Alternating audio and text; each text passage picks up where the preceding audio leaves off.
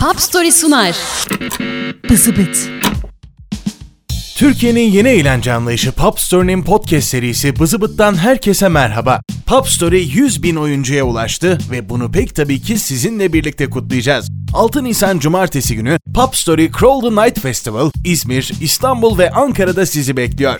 Pop Story Playaround'a katılın, 100 puan toplayın ve 3 mekana giriş bileti kazanın. Mekanlarda Diskolog'dan Club Bangkok'a, Tanerman'dan DJ Sarıyılan ve Mete Avundu'a pek çok isimle Pop Story Crawl the Night Festival 6 Nisan Cumartesi saat 20'de Kadıköy, Tunalı ve Alsancak'ta. Detaylarsa Pop Story Facebook ve Instagram hesaplarında. Bu bölümde her şarkısında ayrı bir hikaye barındıran, sadece müziğe değil, geleneksel ve yenilikçi sanat dallarına da ilham vermeyi başarmış efsanevi bir ekibi ağırlıyoruz. Konuğumuz The Beatles, şarkımızsa Hey Jude. Gelin şimdi The Beatles'la ilgili birkaç ilginç bilgiye göz atalım. The Beatles kuruluşundan bu yana birkaç kez isim değiştirdi. The Quarrymen, Johnny and the Moondogs ve The Silver Beatles ekibin önceki isimleri. Bu son isimde ise John Lennon bir konserde karşılaştığı The Crickets adlı grubun adından esinlendi. Bu iki anlamlı bir isimdi ve o da normalde 3E kullanılan Beatles kelimesinin ikinci E harfini A yapıp müzikteki beat kavramına minik bir göndermede bulunmak istedi. The Beatles ismi böyle doğdu. The Beatles bugüne kadar Amerika'da 10 milyon satışı 6 albümle ayrı ayrı geçebilmiş tek ekip. The Beatles'tan sonra ikinci sıradaysa 5 albümle Led Zeppelin geliyor. 80'lerin ortasında Arizona'daki bir araştırma laboratuvarı keşfettiği 4 asteroide ekip üyelerinin isimlerini verdi. The Beatles Londra'daki meşhur bal mumu heykel müzesi Madame Tussauds'da bal mumu heykeli yapılmış ilk pop grubu.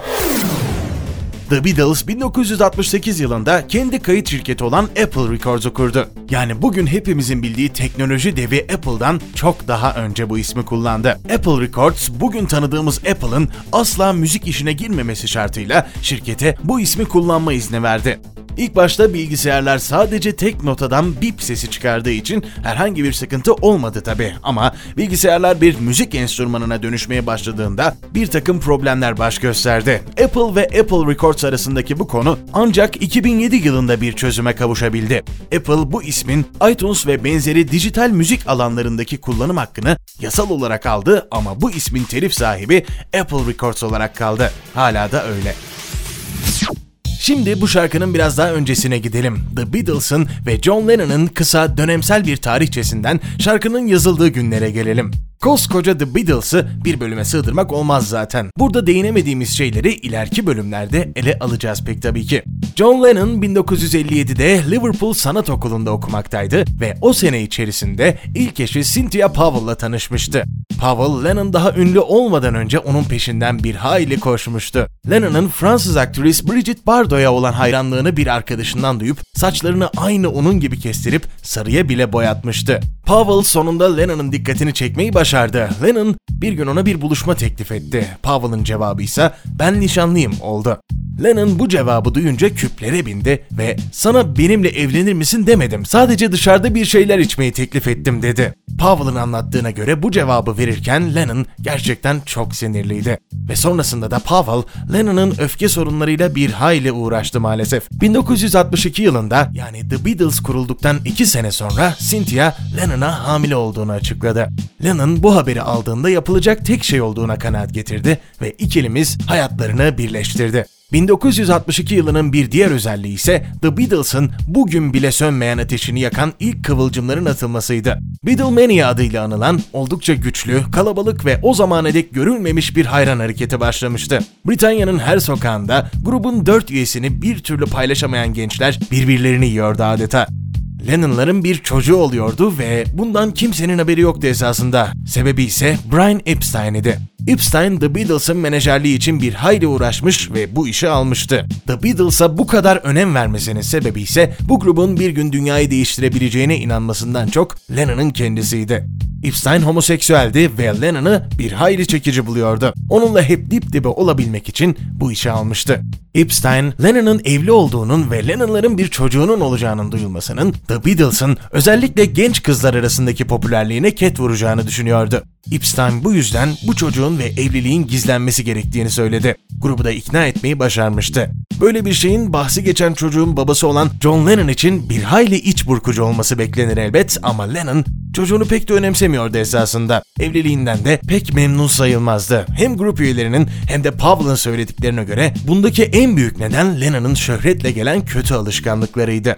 Lennon yavaş yavaş Pavl'a olan ilgisini kaybetmeye başlamıştı. Dolaylı yoldan aynı durum ilk çocuğu için de geçerliydi ve ailesine olan ilgisizliğini The Beatles'ı kullanarak maskelemeye çalışıyordu. Julian Lennon yani John Lennon'ın ilk çocuğu 8 Nisan 1963 yılında doğdu. Ama babası onu ilk kez doğduktan 3 gün sonra gördü. Julian babasını tam tabiriyle arada bir görerek sessiz sedasız 3 yaşına kadar geldi ve bu yıllarda müzik tarihinin en nefret edilen karakterlerinden biri Yoko Ono, Lennon'ın hayatına girdi. Ono'nun The Beatles tarihine girişiyle ilgili iki hikaye var. İlki Lennon'lara ait. Bu hikayeye göre Lennon 1966 yılında Londra'da bir galeriyi ziyaret etti. Galeride Yoko Ono'nun dönemine göre yenilikçi sayılabilecek bir sergisi hazırlanmaktaydı. Ono bir eserinde düz bir tahta levhaya çekiçle çiviler çakarak bir çalışma yapıyordu. Bu sırada içeri giren Lennon da eline bir çekiç aldı ve tam çiviyi çakacakken Ono arkasından ona bağırıp durmasını söyledi. Galerinin sahibi büyük bir telaşla Ono'yu kenara çekip sen onun kim olduğunu biliyor musun? O bir milyoner. Belki bu eserleri satın bile alabilir dedi. Ama Ono elindeki çekiçle tahtasını vurmak isteyen bu gözlüklü adamın kim olduğundan habersizdi.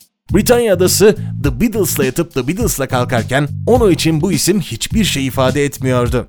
Ono, Lennon'ın çivi çakmak için 5 şilin verebileceğini söylemesiyle rahatlamıştı ama sonra Lennon Ono'ya dönüp şöyle dedi. Sana hayali bir 5 şilin vereceğim şimdi ve buraya hayali bir çivi çakacağım. Diğer versiyonsa Paul McCartney'e ait. 1965'in sonlarına doğru John Cage Notations adlı bir kitabın üzerinde çalışıyordu. Bu kitapta pek çok el yazması şarkı notası, şarkı sözleri ve tarihi sanat eserlerinin baskıları bulunuyordu. Kitapta döneminin parlayan yıldızı olan The Beatles'tan da bir şeyler olmalıydı tabii ki.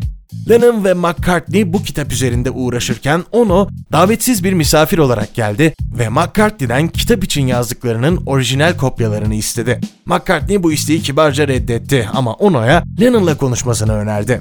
Lennon onu reddetmedi ve ona The Word adlı şarkının el yazması sözlerini hediye etti. Bu belirsiz tanışma safhasının ardından Ono Lennon'ların evini sürekli aramaya ve bizzat ziyaret etmeye başladı. Pavel bu durumdan giderek rahatsız olmaya başlamıştı ve Lennon'dan durumu açıklamasını istedi kendine. Lennon'ın açıklaması ise sadece ürettiği saçmalıkları satıp para kazanmaya çalışan biri o şeklinde oldu. Pavel 1968 yılının Mayıs ayında Yunanistan'a tatile gittiğinde ise Lennon Ono'yu aradı ve evine davet etti. Sabaha kadar baş başa şarkılar kaydettiler.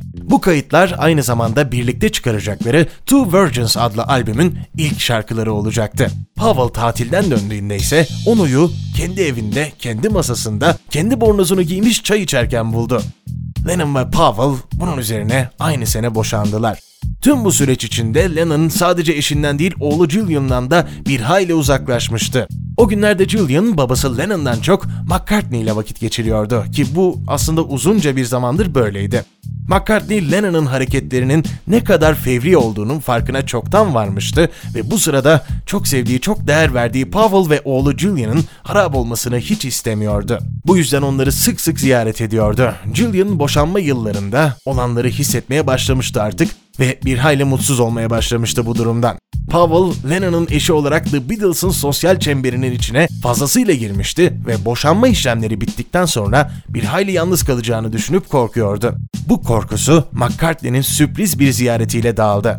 McCartney boşanmanın ardından habersiz bir şekilde Powell ve Julian'ı görmeye gelmişti ve o gün ikisini de arabaya bindirdi ve birlikte bir yerlere gittiler. İşte bu yolculuk sırasında Julian'ın huzursuz olduğunu fark etti ve bir anda Hey Jules diye başlayan bir şarkı söylemeye başladı.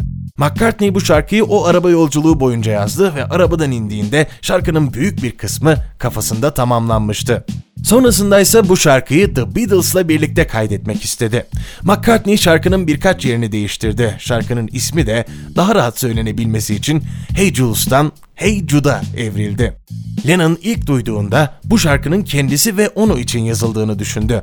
McCartney o gün çok üzerinde durmadı bu konunun ama sonrasında Lennon bunu başka yerlerde de dile getirince her ne kadar dostunun ilişkisine saygı duyuyor olsa da bu hareketleri onu büyük hayal kırıklığına uğrattı.